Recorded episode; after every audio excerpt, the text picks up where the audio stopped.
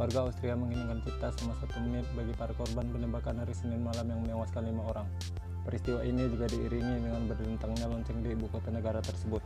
Kanselir Austria Sebastian Kurz, Presiden Alexander Van der Bellen, dan pejabat politik lainnya meletakkan karangan bunga dan lilin di tempat serangan terjadi.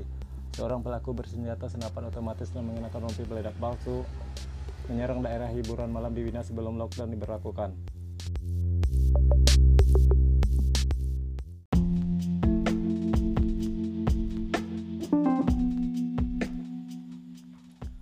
Assalamualaikum warahmatullahi wabarakatuh. Halo semua. Kalian tahu nggak sih di Nagari Kapujan, Kecamatan Bayang, Kabupaten Pesisir Selatan, Sumatera Barat terdapat wisata pemandian nan sangat elok. Masyarakat setempat menyebutnya wisata pemandian Bayang Bungo. Wisata berlatar Bukit Barisan ini mempunyai menu utama yang siap memanjakan mata. Di sini kamu bisa melakukan banyak hal, mulai dari berenang sepuasnya hingga melakukan trekking menyusuri sungai. Mulai dari menikmati hangatnya sinar matahari sore hingga menyusuri hutan. Berenang di sini rasanya tidak sama dengan berenang di kolam renang. Airnya jernih dan segar sebab langsung dari sumber mata airnya.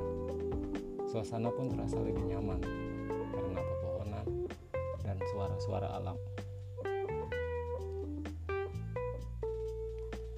Di Bayang Bungo juga terdapat ikan larangan.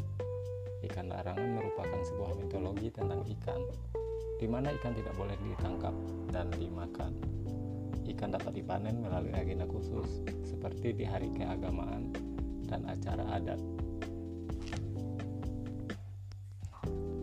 Wisata pemandian Bayang Bungo ini mempunyai panjang lebih kurang 1 km dan terdapat beberapa titik pemandian yang paling favorit adalah aikukui, batu tinggi, dan batu lompatan.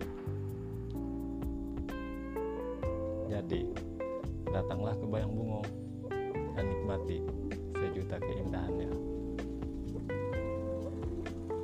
thank you